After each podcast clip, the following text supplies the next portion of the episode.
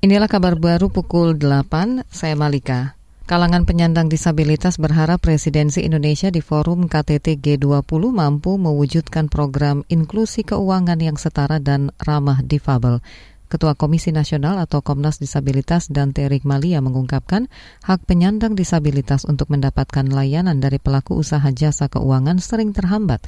Dante mencontohkan difabel netra sering kesulitan mengisi formulir pendaftaran nasabah perbankan atau difabel fisik pengguna kursi roda terkendala mengakses mesin ATM. Tapi ada juga penyandang disabilitas yang cerebral palsy misalnya tangannya tidak bisa lurus, kemudian jari-jarinya juga sulit untuk bisa cap tiga jari, menandatangani juga susah. Maka perlu ada fleksibilitas hal yang lain diupayakan agar hak mereka untuk inklusi keuangan juga bisa terpenuhi. Demikian juga dengan disabilitas intelektual yang sering kali mereka dianggap tidak memiliki kapasitas kecakapan hukum untuk bisa menggunakan rekening, kemudian bisa memanfaatkan fasilitas uh, jasa perbankan. Ketua Komnas Disabilitas dan Terik Malia mengingatkan penyandang disabilitas punya hak atas program inklusi keuangan seperti dikampanyekan Presiden Joko Widodo untuk forum KTT G20.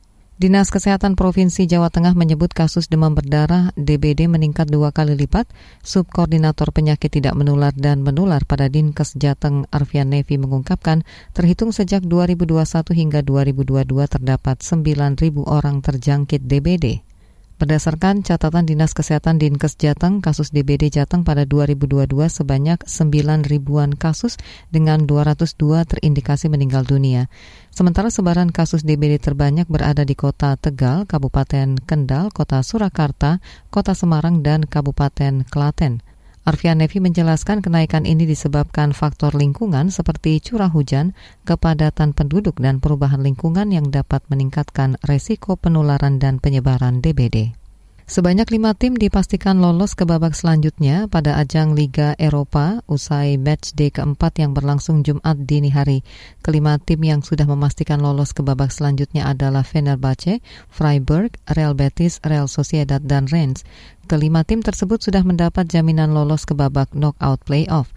Nantinya delapan tim juara grup akan lolos langsung ke babak 16 besar Liga Eropa, sementara delapan tim runner-up akan bertarung di knockout playoff melawan tim yang turun kasta dari Liga Champions demi lolos ke 16 besar Liga Eropa.